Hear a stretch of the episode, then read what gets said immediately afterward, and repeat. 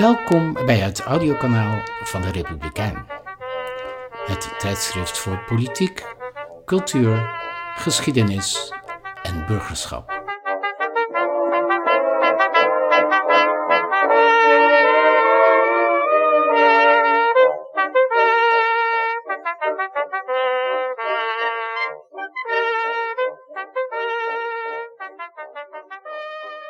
In deze aflevering van de podcast van de Republikein, het tijdschrift dat u niet mag missen als u nog geen abonnee bent, alstublieft zorg dat u dat zo gauw mogelijk wel bent, gaan we het hebben over een Oranje Comité wat geschiedenis heeft geschreven. Het Oranje Comité, de parel van de Jordaan, opgericht in 1966. Het comité moest het huwelijk van Beatrix met Klaus van Amsberg luister bijzetten.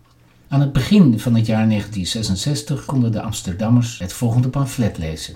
Op woensdag 19 januari te 1 uur s middags zal het Oranje Comité zich presenteren aan het Amsterdamse publiek bij het parkeerterrein van de Westerkerk. Een en ander zal gepaard gaan met het voorlezen van een bewerking van het Wilhelmus, het uitroepen van de kleur oranje tot provotarische kleur en het verkopen van satirische geschriften. Geeft uiting aan uw gevoelens van onbehagen tegen het huwelijk door oranje op de straat te brengen. Schilder uw vuilnisvat oranje. Het Oranje Comité heeft geld nodig voor het aanbieden van een protestgeschenk en antivuurwerk. Stort op gironummer 439821 ten name van Hans Mets en schrijft dit gironummer in oranje letters op muren met vermelding Oranje Comité, de parel van de Jordaan.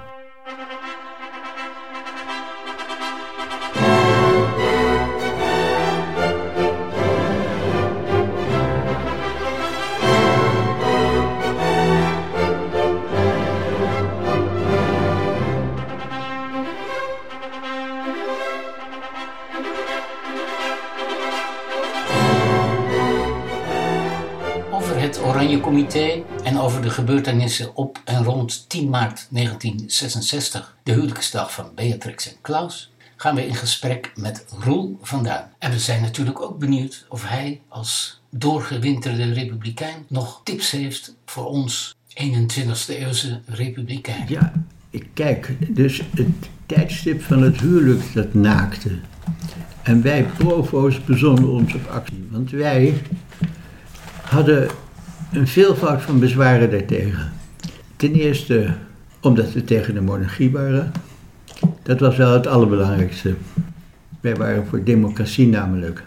En wij vonden dan vervolgens het ook niet zo'n goed idee om met iemand te trouwen en die dan in het koningshuis zou komen die bij de Hitlerjugend was geweest. Dat hadden wij althans vernomen. En dat was ook zo geloof ik. Ja, dat was zo, ja. En de Weermacht had hij ook gezeten geloof ik. En de Weermacht had In, ook in. Tanganyika was dat, hè? In Tanganyika. Ja. En ehm, nou ja, verder vonden wij het ook niet de aangewezen plaats om het in Amsterdam te doen. De hoofdstad van het land met een republikeinse traditie. Althans, dat gevoel hadden wij. En ook eh, omdat het eigenlijk nog ehm, vrij dicht bij eh, de bezettingstijd was toen. En die herinnering aan Weermacht en Duitsers, dat zat ons dwars. Ja. Dus Klaus Raus, dat Ja. was het idee. In provocatie nummer 2 Juist. uit 25 juni 1965. Ja, Toen was hij al op televisie geweest, hè? Hij, wa- hij was toen, eh, eh, geloof ik, gespot door. eh, of was het een. Nee, er was Ja, een de- persfotograaf. van Die, de Telegraaf, ja. ja, ja. En, eh, dat hij ergens in de bosjes met Ja, Beatrix liep. Ja, want ik las namelijk dat er ook wat voorlopers waren. Hè? Er was een comité van ontvangsten en, eh, en ook nog een comité tegen het huwelijk. Natuurlijk. En, en daar, daar stonden wel Ja. de namen onder van, eh, van Peter Bronkhorst, van Hans Metz, eh, van Rob Stolk, van Luut Schimmelpenning ook nog. Ja, ja. Maar dat was nog niet het, het, het echte Oranje Comité. Dat is van... van Nee, we, er natuurlijk als de kippen bij om dit tot een actiepunt te verklaren. nou, Want eh, wij wa- waren net begonnen met Provo en we wilden de hele wereld op zijn kop zetten. En dit was natuurlijk een aangewezen punt. En die provocatie nummer twee, onder de titel Wie is de grootste democraat? Die hebben wij, die heeft Jan Huib Blans ook een, een provo van het eerste uur, van uh, een van de bruggen van de Prinsengracht in de boot gegooid, in de rondvaartboot, waar de Be Beatrix en Klaus zaten. Dat, dat veroorzaakte dus ook een beetje een tuttige opschudding. Want dat werd als ongepast, zeer ongepast uh, ervaren door de, de, de, toenmalige publieke opinie. Sorry voor de onderbreking, maar, maar dat was het pamflet met die drie foto's ja, ja, van Hugo ja, de Bourbon Parma, uh, Klaus en en, Bernhard. En, en Bernhard natuurlijk, ja. ja dus ook, een ontzettende democraat, waarvan het toen net bekend was geworden dat hij ook lid van de NSDAP was geweest. Ja. Ja, nou dat stond er dus allemaal op. En dus dan mocht je dus raden wie van de drie de grootste democraten. Ja, nu weet ik het wel. Nu denk ik, ja, inderdaad, Klaus. Het, antwoord, het goede antwoord is Maar dat wisten we toen nog allemaal niet. Hier een brief van Hans Tuinman, open brief aan mevrouw van Liepe-Bisterveld van Mecklenburg, ja. jaar. Ja. En uh, daarin begint hij dat het kwalijk en gevaarlijk is, uh, dat aanstaande huwelijk. Uh, uw regering, ex-minister De Kwaai als medeoprichter van de in de oorlog met de Duitsers collaborerende politieke partij De Unie, is zeer goed op de hoogte van wat nu gaande is in Nazi-Duitsland. Ja, en dan gaat Hans verder, draag op uw revers de Jodenster, stelt u op langs de route en geeft de Hitlergroeten. Nou ja, goed. Het was een provocatie en het werkte ook als een provocatie. Je bedoelt de provocatie van Beatrix? Ja, nee, ja, dit. Van, van, van ons. van de, het comité van de Parel van de Jordaan. Maar dat was voor Beatrix natuurlijk ook een provocatie om per se in Amsterdam te gaan uh, ja, ja, ja, dat was van hun kant ook een provocatie. Kals, minister-president Kals, die schijnt dat zo te hebben doorgezet. Want er is in, wel in Den Haag over geredeneerd van zullen we dat nou in Amsterdam doen? Dat kan misschien kwaad. Ja. Maar zij wilde dat beslist doorzetten.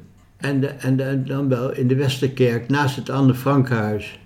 Dus dat, dat was inderdaad allemaal gevoelig. En ook Renate Rubinstein, die had allerlei eh, acties op touw gezet. Wij, wij waren lang niet de enige.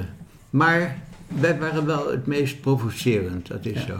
En het creatiefst ook. Ja, inderdaad, onder andere door de witte geruchten die we verspreiden. Precies, precies de witte geruchten, die, ja, we hebben er niet zoveel geld aan uit hoeven te geven, maar die, die waren heel, heel effectief, omdat zij ervoor zorgden dat er toch een soort uh, paniek heerste bij de, bij de politie en bij degene die dat natuurlijk moest organiseren. Of er niet plotseling overal LSD in het drinkwater zou zitten. Want dat was aangekondigd door het comité De Parel van de Jordaan. Dat als geschenk voor het huwelijkspaar uh, door een aantal verrassingen zouden komen. Zoals uh, leeuwenpoep voor de paarden van de koets, die dan zouden gaan, vervaarlijk zouden gaan stijgeren. En uh, die LSD-drinkwater. Eh, maar terwijl dus de ganse macht van de autoriteiten zich op die twee pijnlijke, gevoelige punten oriënteerde, waren wij rookbommen aan het maken. Ja. Daar hadden ze helemaal niet op gerekend. in, in koffiemolentjes maalden wij uh, kalk en andere poeders die een gevaarlijke rookontwikkeling konden, konden ontplooien. Nou, en, en die werden dan in de richting van de koets gegooid, waardoor de televisiecamera's ineens prachtig wit, wit licht produceerden zodat de schermen van de kijkers thuis, die een mooi staaltje monogaal vertoon wilden zien, mm helemaal niks te zien kregen. En, en dat was een, een, een, wit gerucht wat zich over de wereld verspreidde. In Amsterdam zijn de provo's tegen de monarchie. Want de monarchie is autoritair en is een bundeling van groot kapitaal en feudale tradities en dat moeten we niet, want we moeten op weg naar democratie. Ja. Uit de Engelse pers, daar, daar, stond uh, natuurlijk die foto. Ja, die foto is worldwide uh, gepubliceerd. Maar daar hadden ze een cartoon onder gezet. Waarin Klaus tegen Beatrix zegt van... liefje, waarom heb je tranen in je ogen? Is dat van ontroering of van de rook? die, die rookboom, want ik, ik heb ook gezien dat er een inzameling werd gehouden. Dat is een pamflet met allemaal gedichten en tekeningetjes. Dat kon je voor een kwartje kopen. En dat was dan eh, een bijdrage voor het anti-vuurwerk. Maar was dat al, dat idee van die bom, was, zat dat al in dat anti-vuurwerk? Of, eh, Ja, dat was het. Dat was het ja, antivuurwerk. ja. Want dat had de politie dan wel kunnen weten natuurlijk, dat er iets eh, aan de hand zou zijn. Ja, dat zouden ze kunnen weten. Want zij waren wel heel erg ijverig. Ja. Er waren ook heel veel infiltranten in de Provo-beweging. Waardoor bijvoorbeeld ook het eerste nummer van het tijdschrift Provo in beslag was genomen. Ook al vanuit het gerucht dat het gewelddadig zou zijn, omdat ik daar in een, plakkertje, een klappertje had geplakt. Een klappertje van een ja, ja, ja. En daaronder had geschreven: pak een hamertje, breng dat klappertje tot ontploffing, dan maak je het begin van de revolutie in je eigen leven. Dus wij waren het aan het en toen werd er gebeld en er stond de politie. Stond de politie voor de deur heen. Bijna alle, de hele oplage van bijna 300 gestencelde exemplaren in beslag genomen. Maar niet helemaal, want mijn vriend Hans Metz was onder mijn bed gekropen, had ze daar verstopt met een deel van de oplage. Hans Metz, die ging met de overgebleven exemplaren langs alle eh, eh, redacties die nog op de Nieuwe Tijd Voorburg eh, zaten toen. En het gevolg was dat de hele inhoud van Provo 1 nog diezelfde dag in, in zo'n beetje alle kranten van In de Nederland reguliere pers stond, ja. Dus de provocatietechniek, waar wij het op gooiden in onze wanhoop, die bleek ontzettend eh, succesvol te zijn. En dat was ook wat wij eh, beoogden met die rookbommen en met die geschenken van de, het comité de Parel van de Jordaan.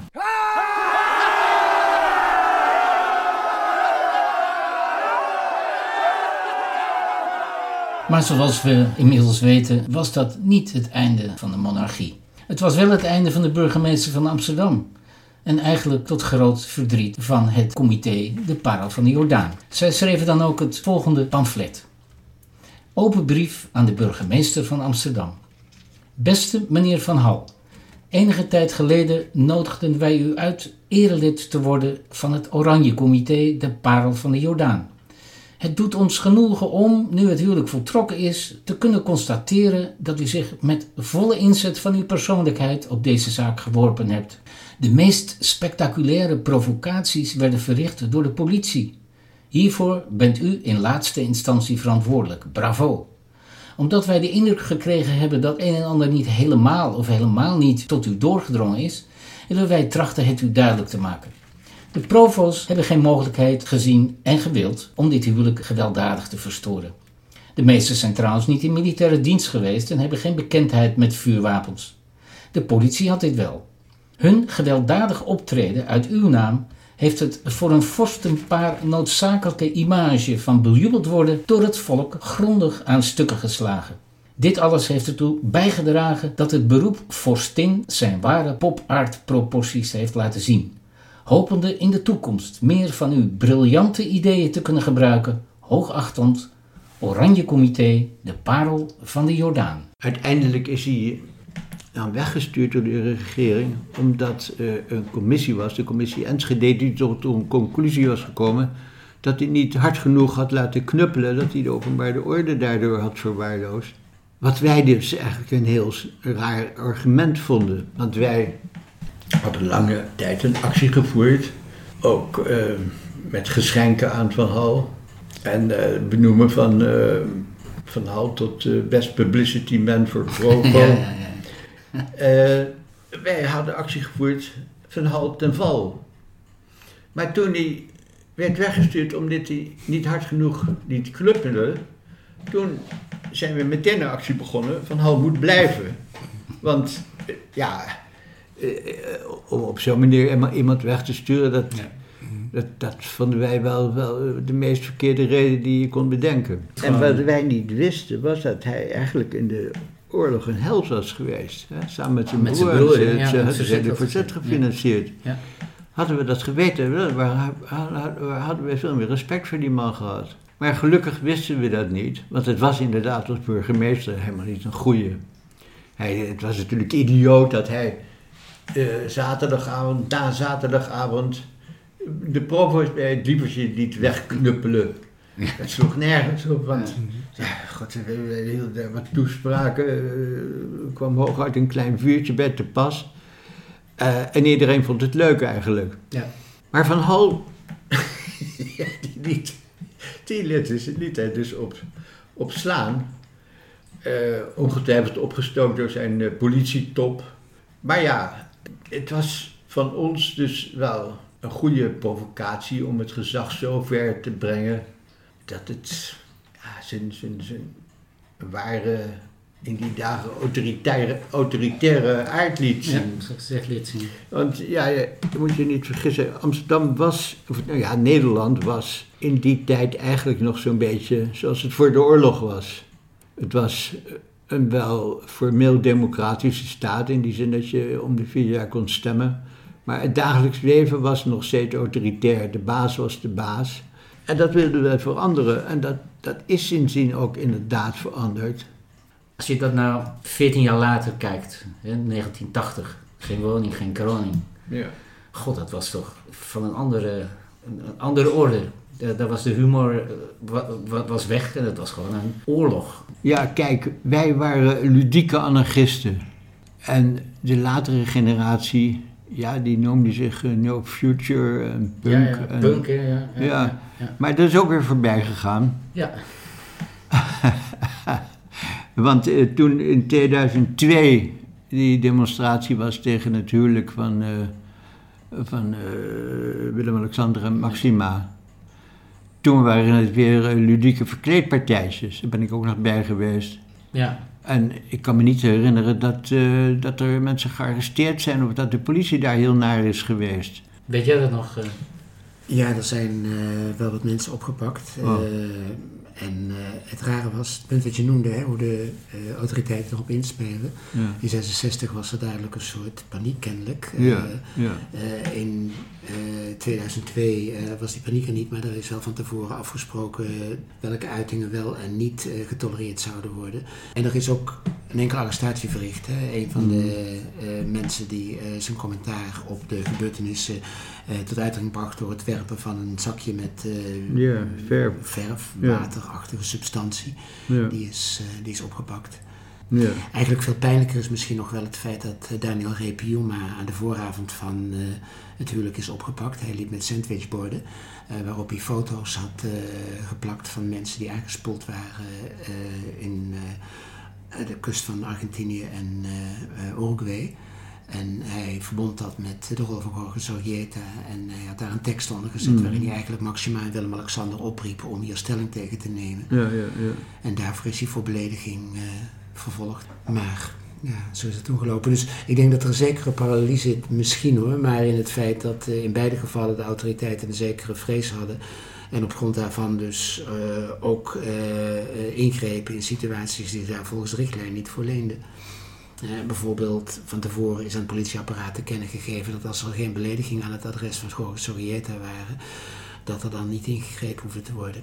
En dan komt er op een gegeven moment een groot spandoek met de tekst Sorrieta van harte welkom in Nederland, vooral in de strafgevangenis in Scheveningen. Ik bedoel, het feit dat eh, in 2002 en ook in 2013 er veel meer speelruimte leek te zijn voor mensen die actie wilden voeren, eh, zou je ook uit kunnen leggen als een vorm van ja, het accommoderen van een deel van het verzet om het daarmee van zijn scherpe kanten te ontdoen. ja. En eh, ja, achteraf kun je Ja. je afvragen of het nog effectvol is. Ja, maar ja, eh, je kunt toch beter te maken hebben met accommoderend gezag dan met knuppelend gezag. Jawel, jawel, jawel. Nee, maar je moet, je moet denk ik je wel afvragen of je niet onbewust eh, bezig bent om eh, een deel van zeg maar, het totale plaatje in te kleuren. Hè. Aan de rechterkant heb je Ja. mensen als Flemix die niks liever doen dan eh, Beatrix een dropstaaf aanbieden, helemaal in oranje gehuld. En aan de andere kant van het spectrum, en dat wordt dan ook even door de NOS in beeld gebracht, heb je een paar republikeinen die eh, eh, bezwaar maken tegen eh, een huwelijksplechtigheid of een doodplechtigheid. En op die manier ontstaat er een soort evenwicht. Ja, dan ben je bijna ongewild deel uitmakend van het soort theater wat je nou juist niet wil. Hè? De hofnar die gedoogd wordt, zogezegd. Maar voor die scherpte moet je provoceren. Ja, ja. Nee, maar dat, dat, dat, dat risico is. Daarom was ik ook heel erg benieuwd. Hè? Als je nu met terugwerkende kracht kijkt naar wat er in 66 gebeurt. Ja. En als we dat maar even nemen als het beginmoment van Hmm. eh, eh, anti-monarchistische geluiden. Ja. Zou je dan kunnen zeggen, afgezien van het feit dat eh, ja, de autoriteiten veel soepeler met het soort protesten omgaan, maar dat er echt iets bereikt is in termen van ja, de gedachte dat je bijgedragen hebt aan het dichterbij brengen van het uiteindelijk verhoopte einde van de monarchie. Nou ja, er is sindsdien dus wel een, is steeds een discussie geweest over de rijkwijde van de monarchie. Over in hoeverre de monarchie kan ingrijpen in het staatsbestel, hoeveel macht ze hebben. En dat is wel een beetje teruggedrongen, meen ik. Dat ze bijvoorbeeld bij uh, formaties van, van kabinetten minder, minder in de melk te brokkelen hebben dan in die tijd nog het geval was. Ja. Dus de macht, de formele macht van het Koningshuis is wel hmm. iets meer ingesnoerd. Maar is, is dat. Is maar ja, de publieke macht van het, van het Koningshuis, door zijn, zijn, zijn autoriteit. Hmm. Ehm, misschien niet, want uh, ja, het is populair en het heeft dus gezag. Ja. Ehm, maar ja, uh, dat is dan ook doordat de mensen zich dat laten aanleunen. Mhm. Maar je zou kunnen zeggen de mythe van die populariteit, hè? want ja, het is natuurlijk iets voor een deel geconstrueerd is.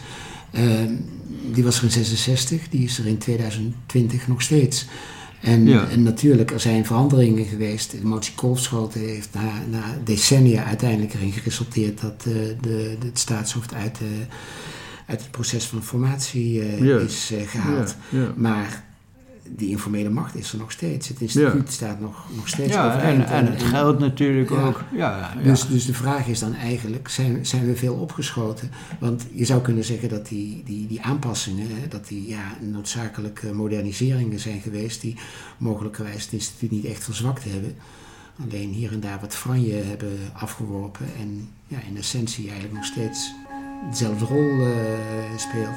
En dat is jammer, zou ik zeggen. Je zou eigenlijk hopen dat, ja, dat, dat er een, een, een meer merkbaar uh, proces van, van onttakeling uh, zichtbaar was.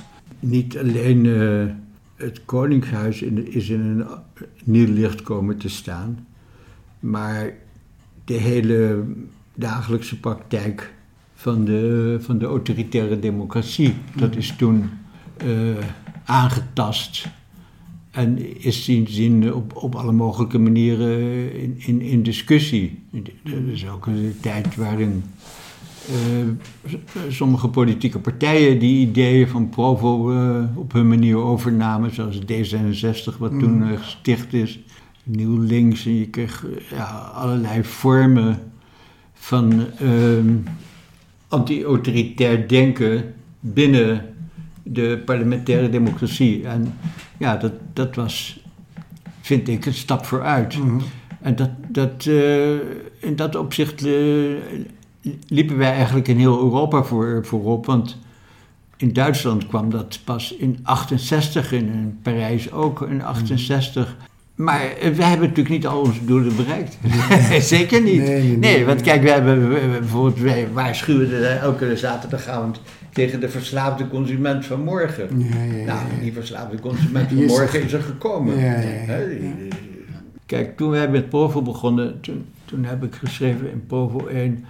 Uh, eh, wij weten dat we de verliezers zullen zijn, maar we willen nog één keer klappen uitdelen zolang het nog kan. Het is wanhoop die de revolutie maakt en niet de hoop. Wat wij in elk geval bereiken met ons verzet, is dat wij in het verzet onszelf vinden. Mm dat we daar in de loop van de tijd over zijn gaan, gaan, gaan doordenken, dankzij dat startschot dat we toen hebben eh, gemaakt. Maar uh, ja, de monarchie is er nog. Uh, de, de, de, wereldnatuur is alleen nog veel, veel ernstiger in gevaar gekomen. Dus ja, uh, we hebben niet alles kunnen oplossen, maar we hebben wel toch ja, een flinke steen in de vijver gegooid image is toch waar, waar het in de politiek vaak om draait. Hè? Tot zover het gesprek dat wij van de Republikein hadden met Roel van Duin. Het comité De Parel van de Jordaan was na 10 maart nog niet klaar. Een paar weken na de plechtigheden richtte het comité zich opnieuw tot de Amsterdammers. Amsterdammers, Gesterkt door het succes dat ons Oranje Comité heeft gehad met het organiseren van Oranje festiviteiten op 10 maart jongsleden, hebben wij besloten op Koninginnedag 1966 opnieuw een poging te doen de jeugd en in het bijzonder het profotariaat in te schakelen voor een gezamenlijke viering van de feestdag, opdat de jeugd zich positief zou kunnen uiten in een creatieve beleving van de geboorte van de landsmoeder. Wij hebben gepoogd het programma dat u aan onderzijde van dit blad kunt vinden zo aantrekkelijk mogelijk te maken en doen een beroep op de jongeren deel te nemen aan de festiviteiten door hun aandeel te leveren in deze collectief creatieve oranje happening. Wij hebben bewust gewerkt naar een geheel dat zoveel mogelijk aan het eigen initiatief van de jongeren overlaat en groeten het profetariaat dat ons vertrouwen naar wij hopen opnieuw zal bevestigen. Het Oranje Comité, de parel van de Jordaan. Hiermee zijn we aan het eind gekomen van deze aflevering. Tot een volgende keer.